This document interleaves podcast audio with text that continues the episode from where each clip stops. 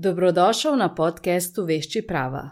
Sem Ana Črtanec in s tabo delim zanimivosti o slovenski pravni ureditvi. Zakaj? Ker znanja o pravu ni nikoli preveč. Če ti je vsebina všeč, bom zelo vesela, če se prijaviš na podcast, pustiš kakšen komentar in nasploh podcast priporočiš prijateljem, da se beseda o njem razširi in da dvignemo raven poznavanja prava v Sloveniji. V tokratni epizodi te bom popeljala po sosedskem pravu. Vse veš, sosedi gre vedno kaj narobe. Za ta namen sem v goste povabila odvetnico Sonjo Dolinar iz odvetniške pisarne Dolinar Šešerko. Z gospod Dolinar smo obravnavali veliko zanimivih problematik. Najprej ti bomo predstavili vrste sosedskih sporov in kako jih je najbolje reševati. Mal več bomo povedali o tem, kako se določi meja med zemljišči, kaj narediti, če je spor glede te meje, kaj narediti potem v primeru, če se, um, nimamo dostopa do zemljišča, torej kako se določi nujna pot. Potem bomo govorili o emisijah, Povedali ti bomo, kako potekajo spori glede motenja posesti in v katerih primerjih je posed sploh motena. Povedali ti bomo, kaj lahko narediš v primeru, da sosed vznemirja tvojo posest.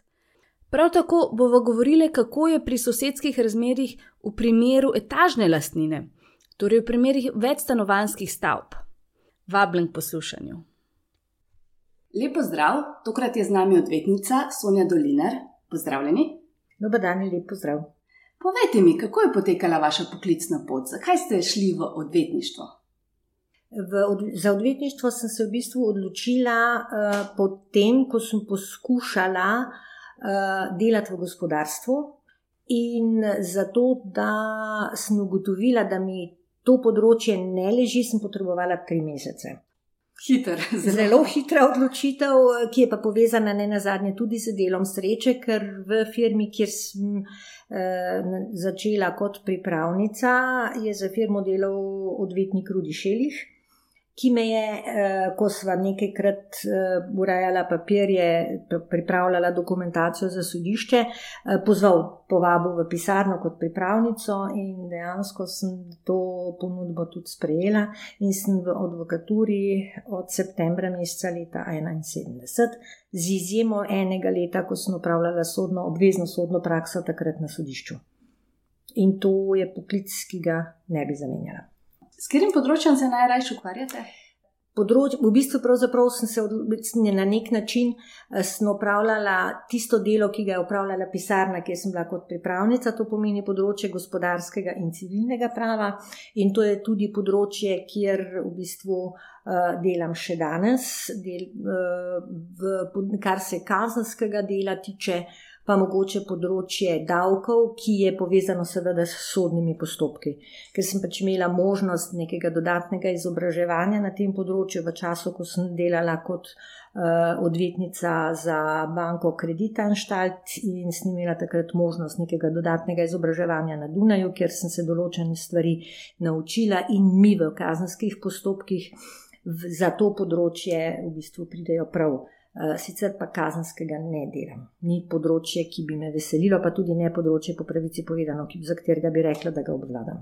Potem imate svojo odvetniško pisarno? Ja, svojo odvetniško pisarno imam dejansko od leta 82 dalje. Najprej sama, eh, kasneje sem delala s pripravniki. Eh, zdaj smo v pisarni ta trenutek dva odvetnika, odvetniška kandidatka in pripravnica, seveda pa pomoč v administraciji, ki je pa vodja administrativnega dela pisarne. Odlično. Torej, tokrat sem vas povabila, da malo spregovoriva več o sosedskem pravu. Kaj sploh je to?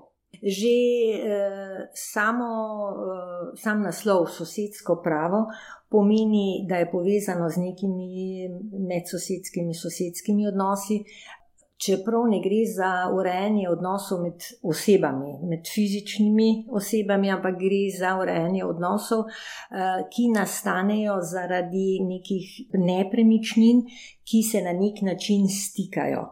Ko govorimo o nepremičninah, ki so povezane, tudi ni nujno, da so te nepremičnine dejansko fizično povezane. Eh, predmet sosedskega prava so lahko tudi neke oddaljene nepremičnine, ki neposredno ne mejijo z nepremičnino, se pa na to nanašajo. To je lahko prime, pride v primeru, ko govorimo o emisijah, ne, kjer lahko voda priteka z parcele, ki neposredno ne meji z parcelo, na katero voda priteka, pa gre v bistvu za neko emisijo in tudi tako, eh, take situacije to področje sosedskega prava, ki ga sicer ureja stvarno pravni zakonik, ureja.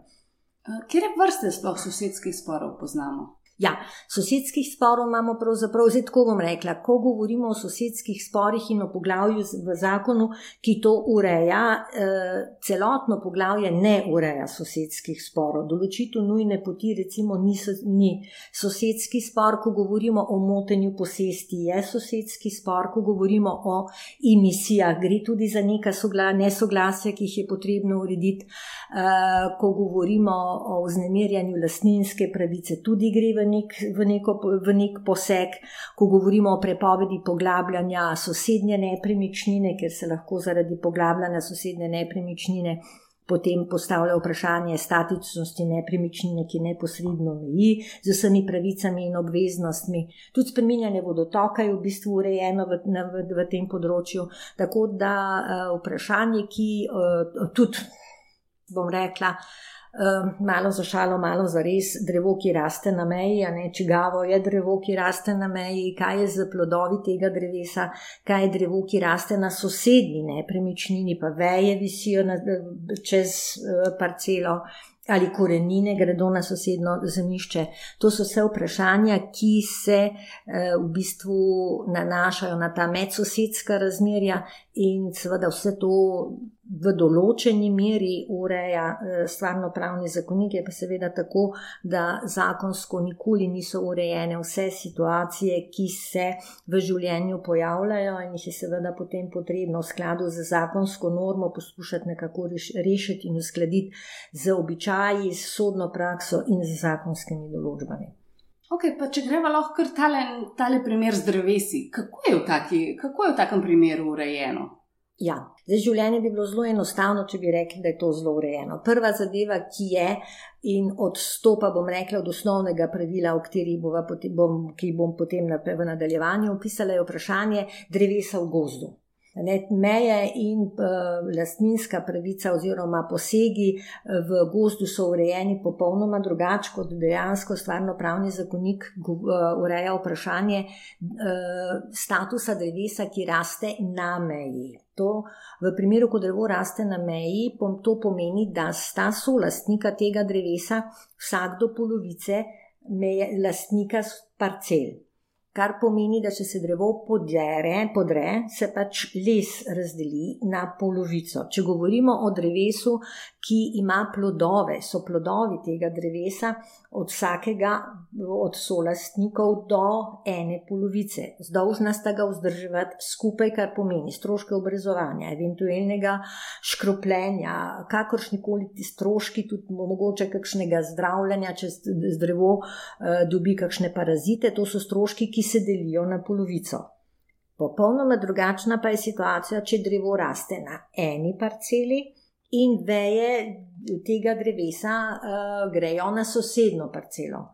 Zdaj, veje lahko so lastnik uh, nepremičnine, na katerega ti veje sekajo, segajo, odstrani, zakonsko pa je možnost, da najprej lastnika nepremičnine, parcele, na kateri to drevo raste, pozove, da to naredi sam. Kar bom rekla, če hočeš imeti neke dobre sosedske odnose, ne na zadnje tudi pametno, če ti sosedo rečeš, tole mene mota, bi mi mogoče to odstranili.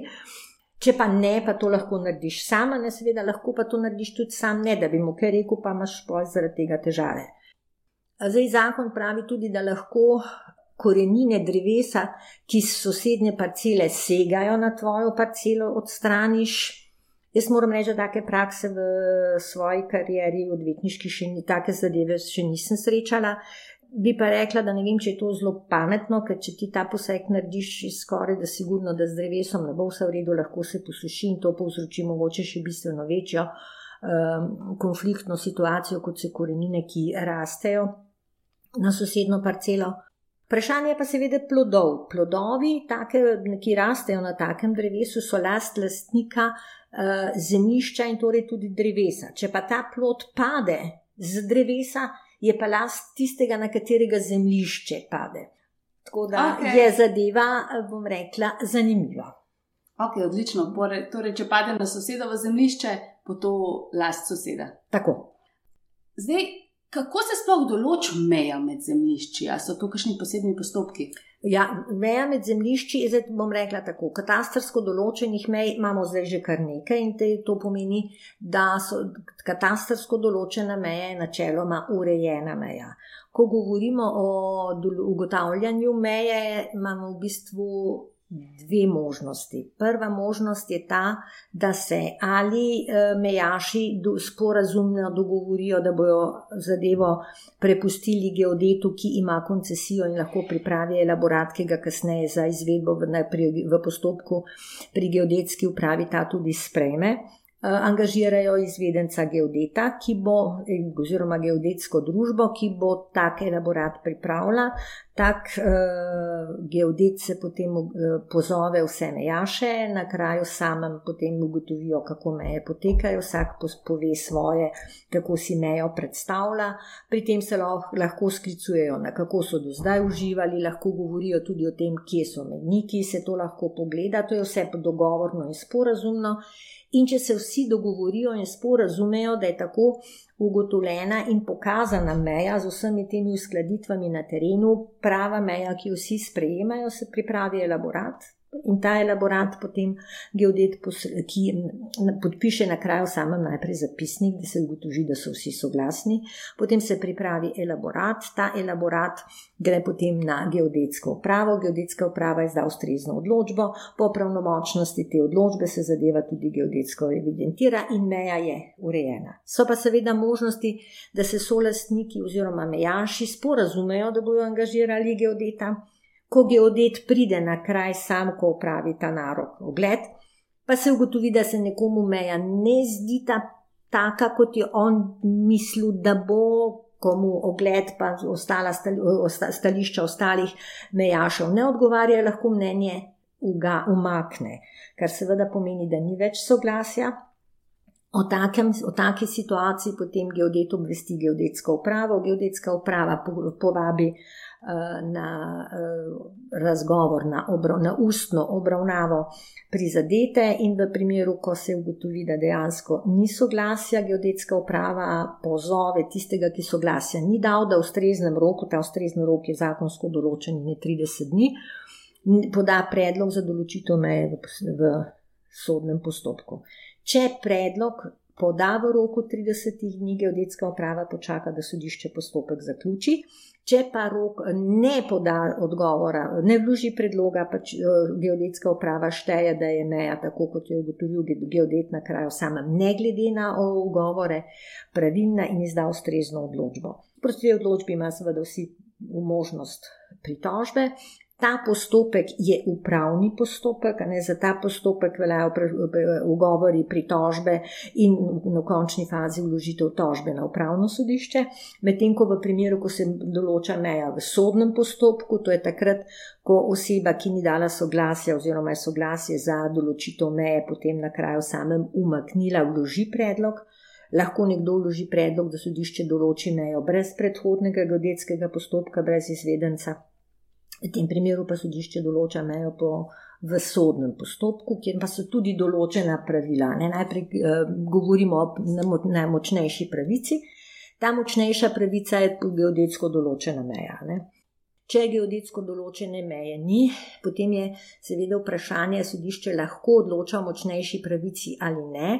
Vprašanje soglasja strank, ali je sporni del zemljišča, ki je med pokazano pa geodetsko določeno mejo, eh, presega vrednost, zakon pravi eh, dvakratno vrednost eh, sporne, me, spora mehne vrednosti. V tem trenutku je spor mehne vrednosti spor do 2000 evrov, kar pomeni, če zemljišče ne presega vrednosti 4000 evrov, če presega vrednost 4000 evrov, mora solest oziroma mejaša dati soglasje sodišču, da to do, do, določi po močnejši pravici. Če tega soglasja ni, potem sodišče lahko dolo, ugotavlja pa določa mejo po uživanju kar seveda pomeni, da je potrebno zaslišati priče, te se lahko zaslišujejo na sodišču ali na kraju samem, priče pokažejo, kje je po njihovem meja, se je meja uživala za eno in za drugo stranko, če je več mejašov, je to, bom rekla, bolj kompleksna in še bolj zapletena zadeva.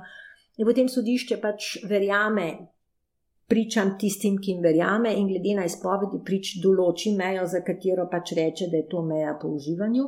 Lahko se pa izkaže, da pravzaprav meje po uživanju niti ni mogoče ugotoviti, in takrat sodišče določi mejo po prostem predarku, to se pravi po neki pravični oceni, ne, ki ni.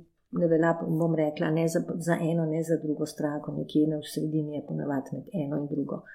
Ne, tukaj, pa velja, tukaj pa seveda veljajo pravila sodnega postopka. Ne, to pomeni, da je pač treba predlagati ustrezne dokaze. Postopek je bistveno bolj formalen, kot je postopek pred geodetsko upravo.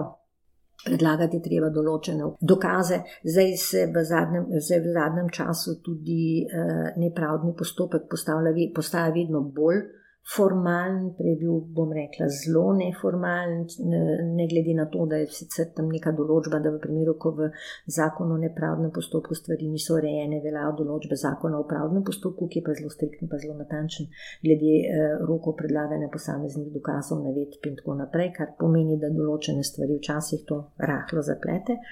Ampak seveda veljajo pa predpisi, kar se tiče Eh, postopka, določene meje v sodnih postopkih, predpisi, ki veljajo za sodišče in določbe zakona o nepravdnem postopku in zakona o pravdnem postopku.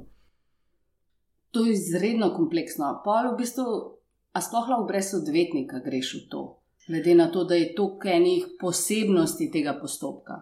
To je zdaj zelo težko reči. Jaz ne bi rekla, da v bistvu ne bi rada delala reklame za odvetnika. Uh, zadeva, zadeve niso enostavne, prvič zaradi tega, ne, ker je potrebno pripraviti celotno, celo vrsto dokumentacije, ki jo je mogoče dobiti iz zemljiške knjige, eh, iz podatkov geodetske uprave, kar stranke, po moji oceni, to naredijo lahko zelo težko. Za kakšno obliko predloga se bodo odločile, se bi morale odločiti, glede na to, kakšnim, s kakšnim gradivom razpolagajo, kar je seveda, bom rekel, za kar je potrebno neko, neko strokovno znanje, in potem je seveda potrebno postaviti tudi nek zahtevek za to. In ta zahtevek mora imeti bom rekla, rep in glavo, mi temu rečemo, mora biti sklepčna. Če ga ne znaš sam postaviti, imaš lahko težave. Včasih je sodišče pomagalo in je pomagalo postavljati zahtevke, zdaj je sodišče v bistvu ne išče več materialne resnice in ni, ne nudi več po, take pomoči, kot jo je včasih. Svetuje včasih, če so stvari zelo zapletene, da se pač stranka vzame eh, pooblaščenca, ki bo pri tem pomagal. Ne? Tako da ni tako zelo enostavno, da bi se tega lahko začneš postopek sam, pa potem mogoče s pooblaščencem popravljaš, če vidiš, da stvari ne grejo. Je pa bolj enostavno in bom rekla, manj zapleteno, če zadevo nastaviš že tako, kot bi dejansko morala biti. Torej, če se je odvisno, ali je upravni postopek ali je pravni postopek? Eh, odvisno je od tega, se stranke, a se eh, mejaši sami dogovorijo. Če so soglasni in če se dogovorijo, sami izberejo geodeta, ta razpiše narok, uh, jih po, povabi vse mejaše na kraj sam, uh, ti mejaši podpišejo zapisnik o ugotovitvah, so dejansko soglasni, kako meje potekajo, se tam lahko tudi dogovorijo, mogoče je predstava malo drugačna. Pa je potem stvar dogovora, popustim na tej strani, pa bom na drugi strani nek, nekaj dobima. Ne. Uh, To je vse možno na kraju samem, kar je v sodnem postopku, ko pride sodišče z geodetom na, na kraj sam, tudi možno, ne, ne da ne. Ampak to je vendarle soden postopek, ki je povezan z drugačnimi stroški kot ta upravni, ko se vse dejansko dogovorijo. Plačati je treba geodeta strošek njegovega elaborata in zadeva je zaključena. V sodnem postopku je tudi strošek predloga, je strošek sodne takse, je strošek geodeta, je tudi strošek odvetnikov. Ne, da, ja. Bolj bistveno dražji, če je sodni postopek. Bistveno dražji, bom rekla, povezan z, z izgubo časa, z poslabšanjem medsebojnih odnosov, ne malo krat. Tako da je, če imaš soseda, jaz včasih na sodišču rečem, ko se zagrabimo, pa ko stvari ne grejo lepo, ne, pa imaš dve nepremičnini, hišo do hiše, pa neko pot. Ne. Včasih rečem, mi smo polži, da bi se preselili. Ne, ne moreš naložiti hiše na hrbet, pa je odnesti. Se pravi, boš živel z nekom ali boš prodajal, ali boš pa z nekom živel. In če boš moral z nekom živeti, razmisli, kako daleč boš šel, pa kaj, koliko daleč boš zaostroval. Ja, vsekakor, ker nekako v eni fazi ni več vredno to, ne, da bi bolj slabi odnosi, samo še poslabšajo ja, ja. tudi mentalno zdravje, konc koncev. Kako pa zdaj s to nujno potjo?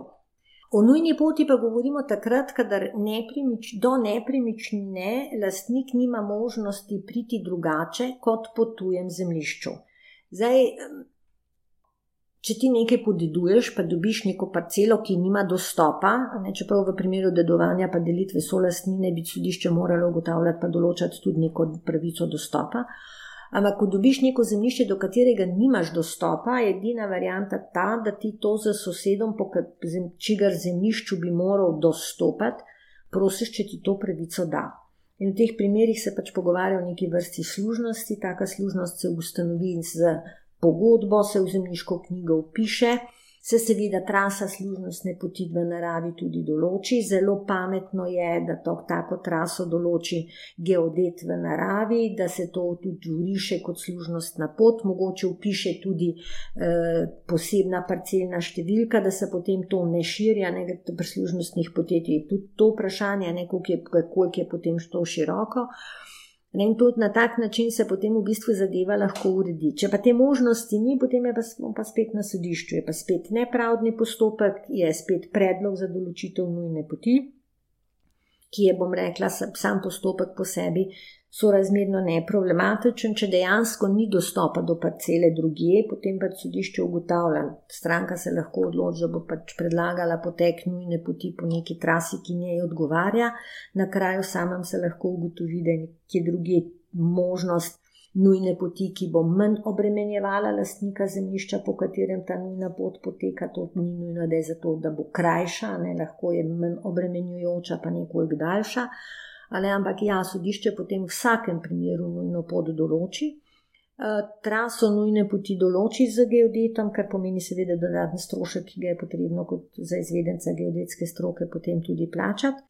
In določi tudi odškodnino, ki jo ponavadi za tako eh, obremenitev, ki jo ponavadi izračuna izvedenec gradbene stroke. Ne? Tako da se na ta način to uredi in ta nujna pot eh, je, bom rekla, kot edini dostop velja in ni sprememb do trenutka, ko je seveda možnost dostopa z neke javne površine.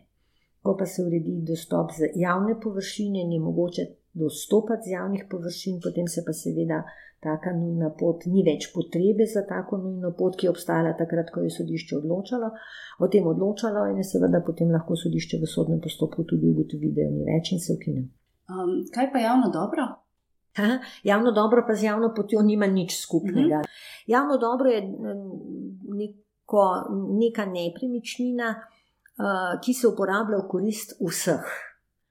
Status tega javnega dobrega se, se ugotavlja v posebnih upravnih postopkih, a ne ko se za to ugotovijo uh, bom rekla, neke javne koristi. Taka javna korist je recimo cesta, taka javna korist je kanalizacijski, javni kanalizacijski vodi, elektrovodi, eh, vodovodnik, javni eh, vodi. Status tega javnega dobrega je v bistvu tak, da na njem lastninske pravice ne moreš pridobiti, lahko se eventualno dodeli koncesija. Eh, je to v korist vseh in vsakega, bom rekla, pod nekimi pogoji, ne zdaj pa seveda treba javno dobro izkazati. Pri tem javnem dobrem se v zadnjem času uh, kaže, bom rekla, neka zanimivost. To javno dobro je lahko v privatni ali pa v državni lasti. Zdaj, če govorimo o državni lasti, je to lahko občinski ali pa republiški. Uh, Dogajalo pa se je, da se je v upravnem postopku ugotovilo za neko parcelo, da je, lahko, da je v naravi to javno dobro, ker je pot, po kateri dostopa, bom rekla, več uh, upravičencev, To je zelo velikokrat tam, ko se je parcela razparcelirala, pa so se postate razdelila na gradbene parcele, pa, so, pa je bila takrat, ko so je to prodajalo tam neka pot. Ta pot je v, v lasti nekoga, ki je to razparceliral pa prodal. Je kot dostop do vseh služnosti, niso določili, lahko se tudi je lahko določena služnost, pa se potem ugotovi, da z tega konca poti na nasprotni strani prideš na javno cesto, pa to eh, občina kategorizira kot javno dobro ki je še vedno v privatni lasti. Ostaja v privatni lasti v bistvu prav zaradi tega, ker je vprašanje plačila odškodnine, ki bi jo morali plačati lastniku. Postavlja se tudi vprašanje, zdaj, kdo je dolžan to vzdrževati, vprašanje asfaltiranja, če se asfaltira, ne cel kup problemov pa zapletov je v zvezi s tem javnim dobrim, ampak ja, je pa načeloma v korist vseh. Hmm. A kako je pa v primeru, če pride med sosedi do nekega motenja posesti? Ja. Imeti stvar v posesti pomeni biti, imeti stvar v oblasti in za to stvarjo razpolagati. Vsak poseg v to pomeni motitveno dejanje, za katerega je zakonodajalec zagotovil eh, pravno varstvo z tožbo zaradi motenja posesti. Zdaj, poseg v posest je toliko zanimiv, ker ni nujno, da je posestnik tudi lastnik nepremičnine. Tudi ni nujno, da je to nepremičnino pridobil, bom rekla, na nek zakonit način. Dovolj je, da ima nepremičnino v posesti in da to posest izkaže. In da je poseg nekoga, ki je lahko celo lastnik te nepremičnine, motitveno dejanje. In v takem primeru je zakonodajalec dal posestniku posestno varstvo, ki ga lahko uveljavlja za tožbo v roku 30 dni od motitvenega dejanja. Če ta 30-dnevni rok zamudi, potem pa ni možnosti, da bi se posestno tožbo lahko jo vložil, bo pa neuspešen, ker bo že procesne predpostavke ne bo. Ne. Tako da je to, bom rekla, motitveno dejanje lahko zagreši celo lastnik nepremičnine. Bomo rekli, da je hodi po neki poti, nekdo, ki tam nima pravice hoditi, po tej poti že hodi neko določeno obdobje, dve, tri, štiri leta, se tudi pripele z avtomobilom. In potem ima lastnik tega zadost, ker je to njegovo zemljišče, plačuje davke od vsega tega, In mu je rekel, ti tam tukaj ne boš vozil, ta se na to požvižga in si reče, ti bom je že pokazal, pa pride pa pripelje pa strese na to pot, ta, na ta del, ki je ta voz, kup peska. In bo pravdo zgubil. Ker je zaradi tega, ker je imel ta, ki je po tej poti hodil in vozil, posest. Ni imel pravice, imel je pa posest. In e, zakon varuje posestno varstvo.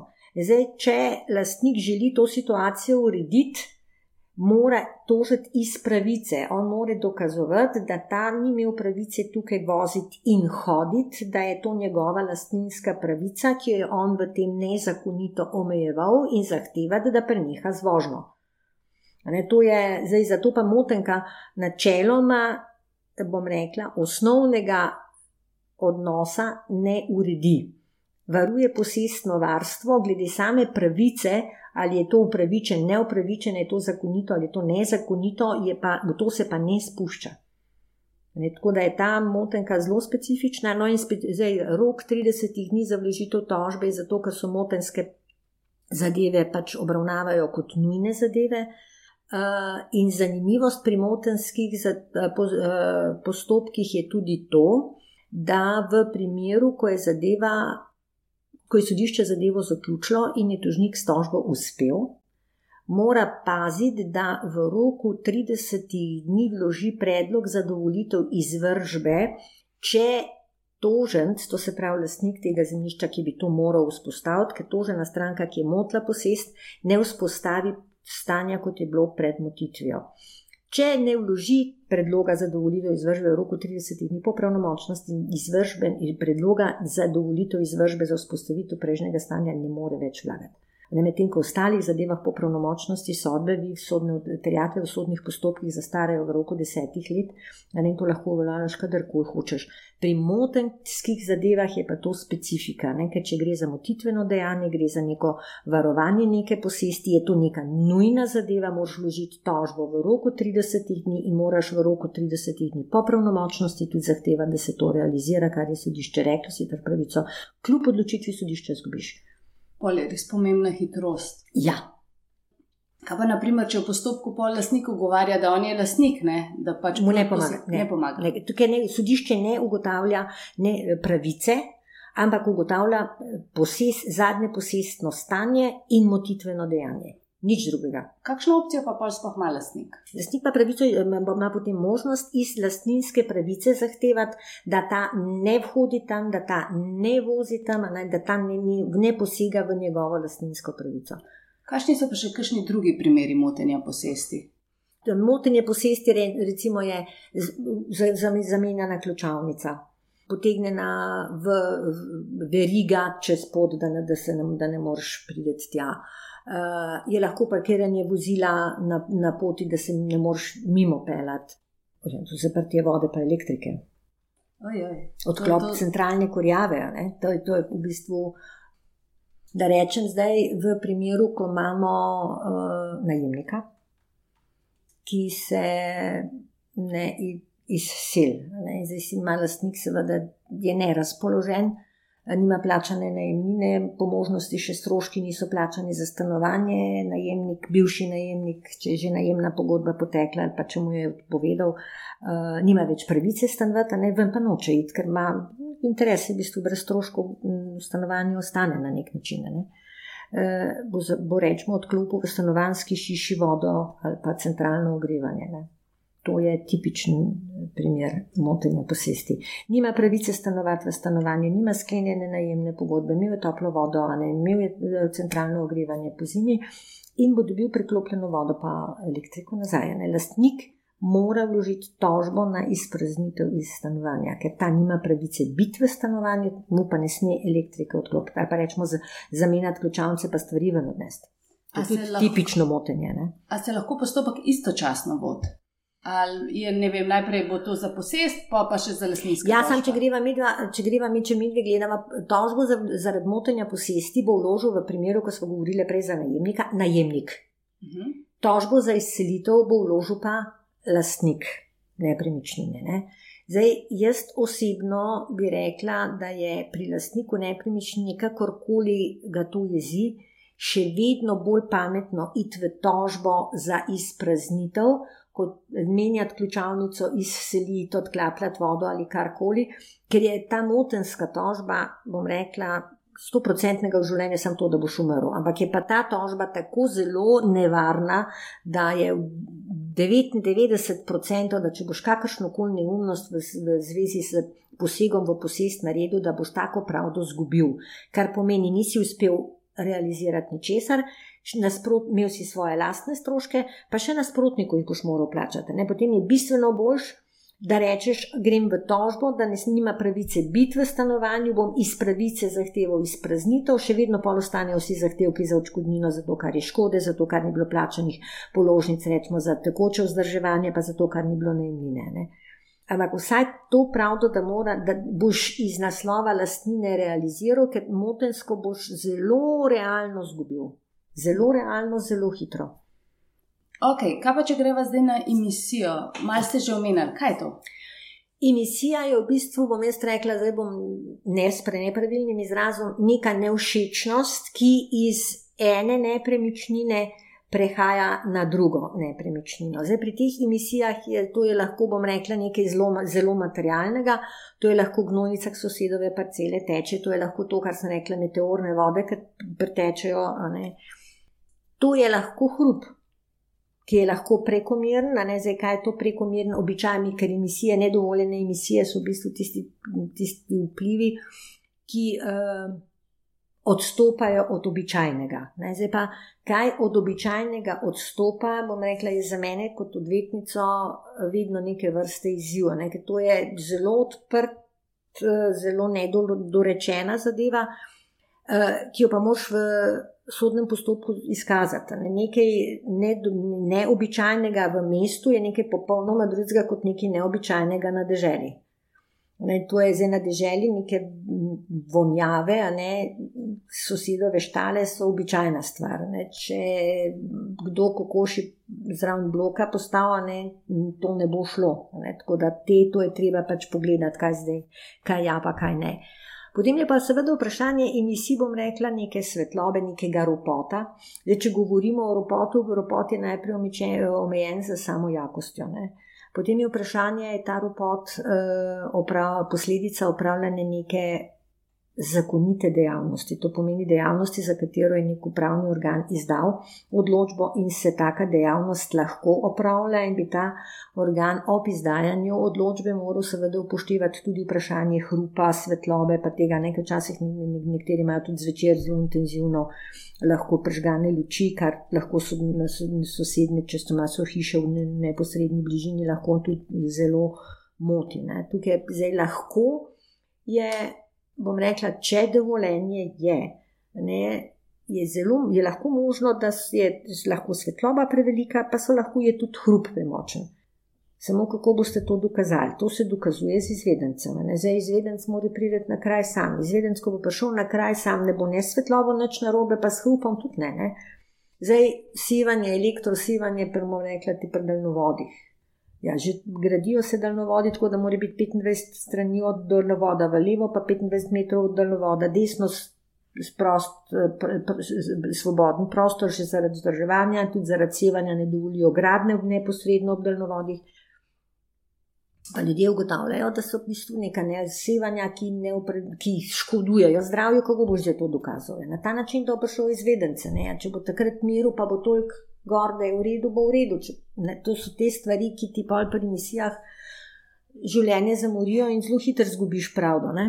Zdaj, če voda od zgori dol teče, to, to lahko dokažeš. Ne? Te stvari so pa lahko zelo problematične. Hrup, prah, mislim. Ali so kakšni standardi, do katere mere je dopustno?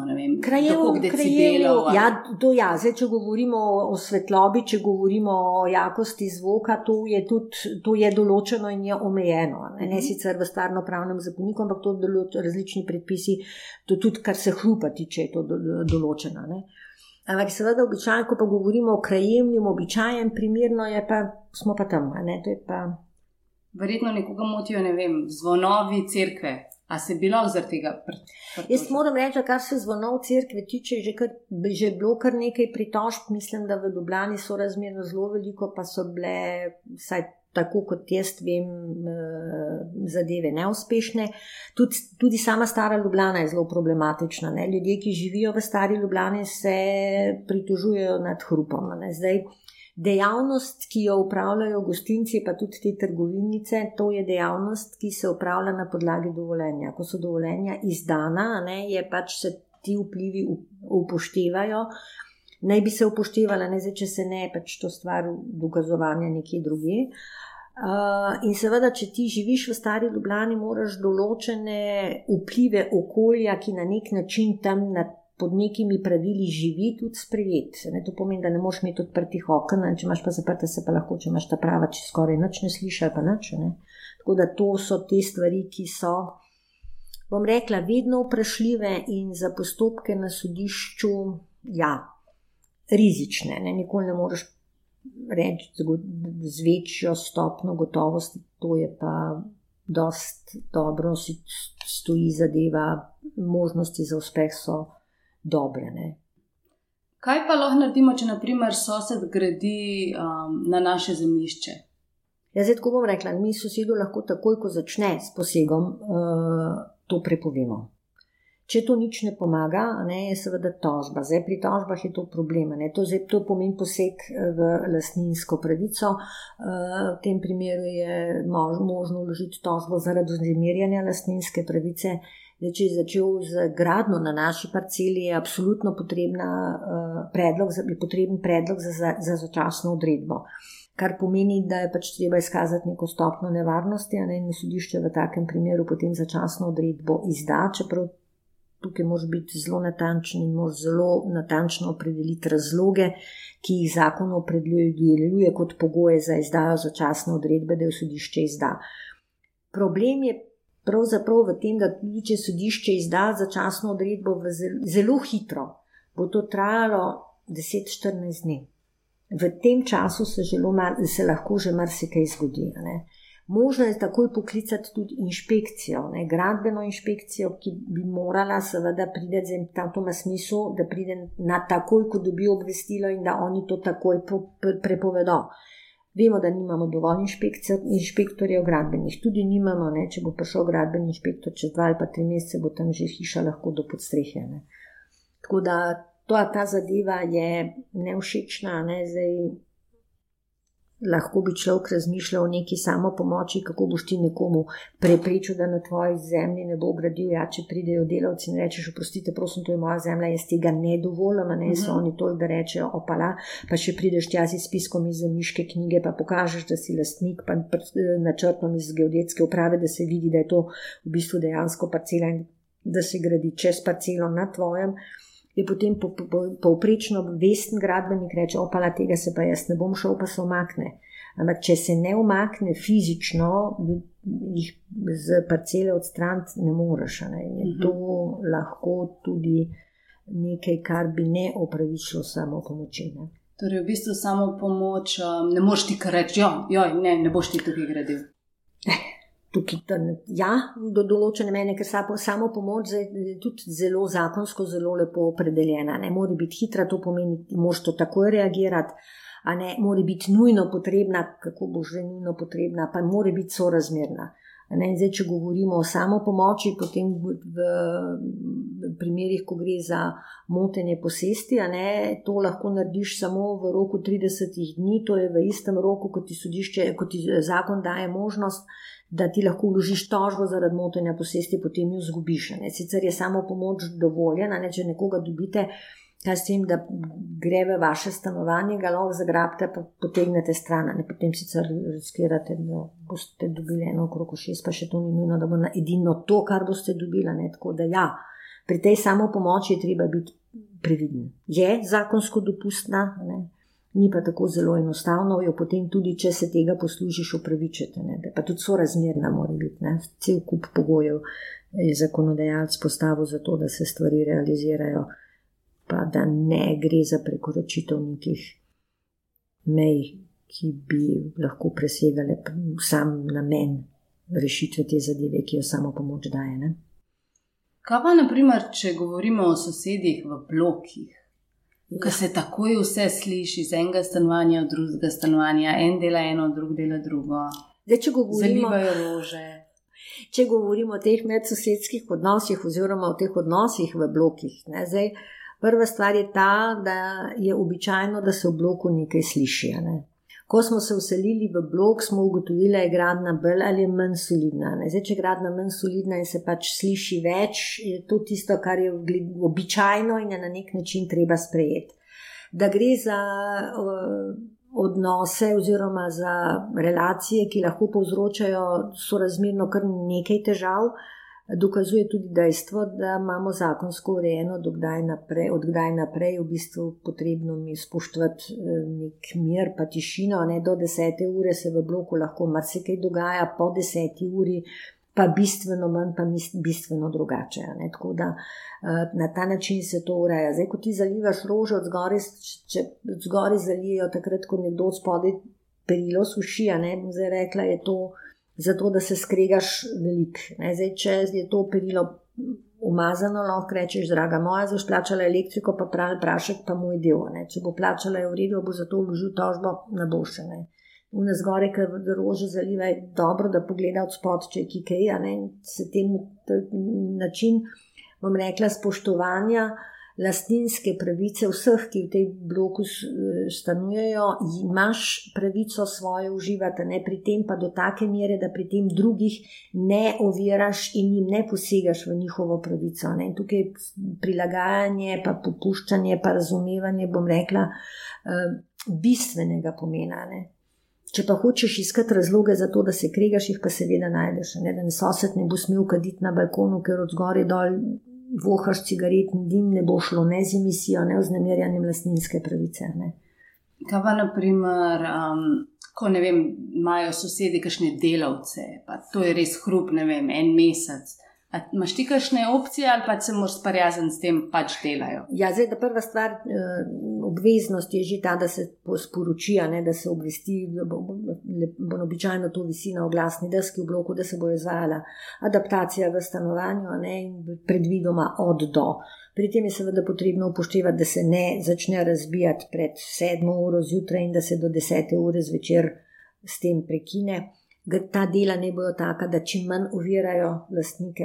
Pri tem je pa seveda treba paziti, da, grad, da adaptacija v okviru stanovanja je dopustna in ne potrebuješ soglasja ostalih lastnikov v bloku, vkolikor ne gre za posege v skupne dele. To pomeni, da ne, ne, vrteš nekih nosilnih sten, da ne širiš, ne ožiš okn, ne, zato rabiš vedno soglasje solastnikov. Zato, da ti zamenjaš ploščice, pa pipo, pa celke, eh, počla.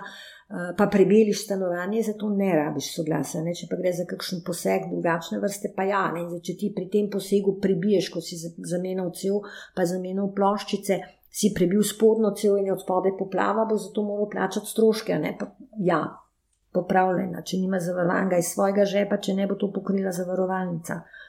Tako da te stvari so, bom rekla, zelo občutljive in je pač v primeru, ko živiš v nekem objektu, kjer je več stanovanskih enot, pač treba tudi ne, na zadnje upoštevati to, da ti drugim ne počneš tega, česar sam ne bi želel, da tebi, a ne potem gre bistveno lažje. A bi imeli mogoče za konec še na svet, kaj bi v bistvu svetovali nekomu, ki ima probleme s sosedom? Jaz moram reči, da vedno, ko se pri meni oglasijo ljudje in imajo ta povrstne težave, najprej vprašam, če se s sosedom pogovarjajo. Ker če se s sosedom pogovarja, ni slabo, da prideš pa da rečeš dober dan, pa bi se poskusil dogovoriti. Tudi če mi rečejo, da so, nimajo komunikacije, niso pa skregani, je še vedno moj nasvet tak. In če to ne rodi nobenega rezultata, potem sem pripravljena napisati neko pismo, pa napisati, da se stranka, da je to pa to moti, da zakonsko so določene stvari. Eh, urejene, da bi se o teh stvarih eh, dogovorili, lahko napišem v kakšni smeri, predlagam, da se dobimo na skupnem sestanku, da bi se dogovorili. In če potem ni nobenega odgovora na to, ne, potem ni druge variante, kot se pogovarjati o tem, na kakšen način se bo zadeva urejala v nekem postopku. Največkrat seveda sodnem, kar pa za dobre medsosedske odnose nikoli ni v redu. Čeprav je pa po drugi strani pa res, da včasih se ne zelo veliko krat, se pa seveda zgodi tudi to, da so odnosi, ko se postopek začne slabi, da se na prvem naroku ugotovi, da bi se mogoče kaj pogovarjali, pa imamo zdaj možnost medijacijskih postopkov ker ti medsebojni sosedski odnosi so ponavadi se zapnejo ne zaradi neke zadeve, ki potem je predmet nekega postopka, ampak so se stvari začele komplicirati že bistveno prej, da se o tem ljudje niso pogovarjali, da so se mogoče kdaj tudi na robe razumeli. In je potem seveda tak, tak medijacijski postopek lahko. Zelo dober, zelo dober, prvi zato, ker si tam lahko povedo, kaj koga moti, pa mogoče sploh niso vedeli, da nekoga nekaj moti, kar drugih ne da se lahko pogovorijo o stvarih, ki so jih mote in so jih nastale bistveno prej, kar jih na sodni nihče ne bo poslušal. Sodnija je predmet postopka, ki je predmet navedb pa dokazov in da lahko v tej medijaciji, v tej medijaciji rešijo ne samo tisto, kar je predmet postopka na sodišču, recimo motenje posesti, ne pa se potem ugotovi, da je poleg motenja posesti v bistvu še vprašanje, kje bi se pot uredila, pa bi se lahko dogovorili tam glede neke škarpe, pa neka živa meja je še tam od zadaj, ne in se to vse lahko dogovoriš v neki medijaciji, kar v sodnem postopku ne gre. Ne se lahko ti odnosi rešijo na nek dogovorni način. Če pa tega soglasja za medijacijo ni, se pa včasih, ko so stvari, bom rekla, zelo napete, pa ne pričakuješ, da bi se dogovorili, zgodi, da po določenem času, ko stranke hodijo na sodišče, pa ko imaš sodnika, ko vsakič posebej vpraša, se ne bi kaj zmenili, začnejo razmišljati, da bi se mogoče zmenili in se tudi dogovorijo. Ne? Tako da jaz bi vedno rekla, kakršenkoli dogovor je vedno boljši od tega, kar bo reklo sodišče. Ker ko sodišče odloči, ni nobena od strank zadovoljna. Ne, ko se pa sam zmeniš, si pa misliš, da se mogoče bi lahko dobil drugače, pa mogoče bi lahko dobil malo več. No, ampak nekaj sem pa le naredil, ne. nekaj mojega, pa nekaj, kar sem jaz predlagal, je pa vendarle v tej poravnavi. Ne medtem, ker presodnije, tako kot je sodnija rekla. Je rekla tako, kot si ti želel, je rekla tako, kot ti nisi želel, tako je in gotovo. Ja, res je. je najlepša hvala za vse te uh, nasvete, za vse te informacije. Ja, zadeva je, bom rekla, zelo kompleksna, ne vsakič posebej, ko se o teh stvarih pogovarjaš, vidiš nekaj novega. Zaključek vsega tega je pa vendarle, da je pametno je o zadevah razmisliti in se poskusiti najprej pogovoriti, pa čeprav je mogoče to težko. Ja, res je, to je tisti najbolj pomemben nauk. Hvala. Hvala lepa vam.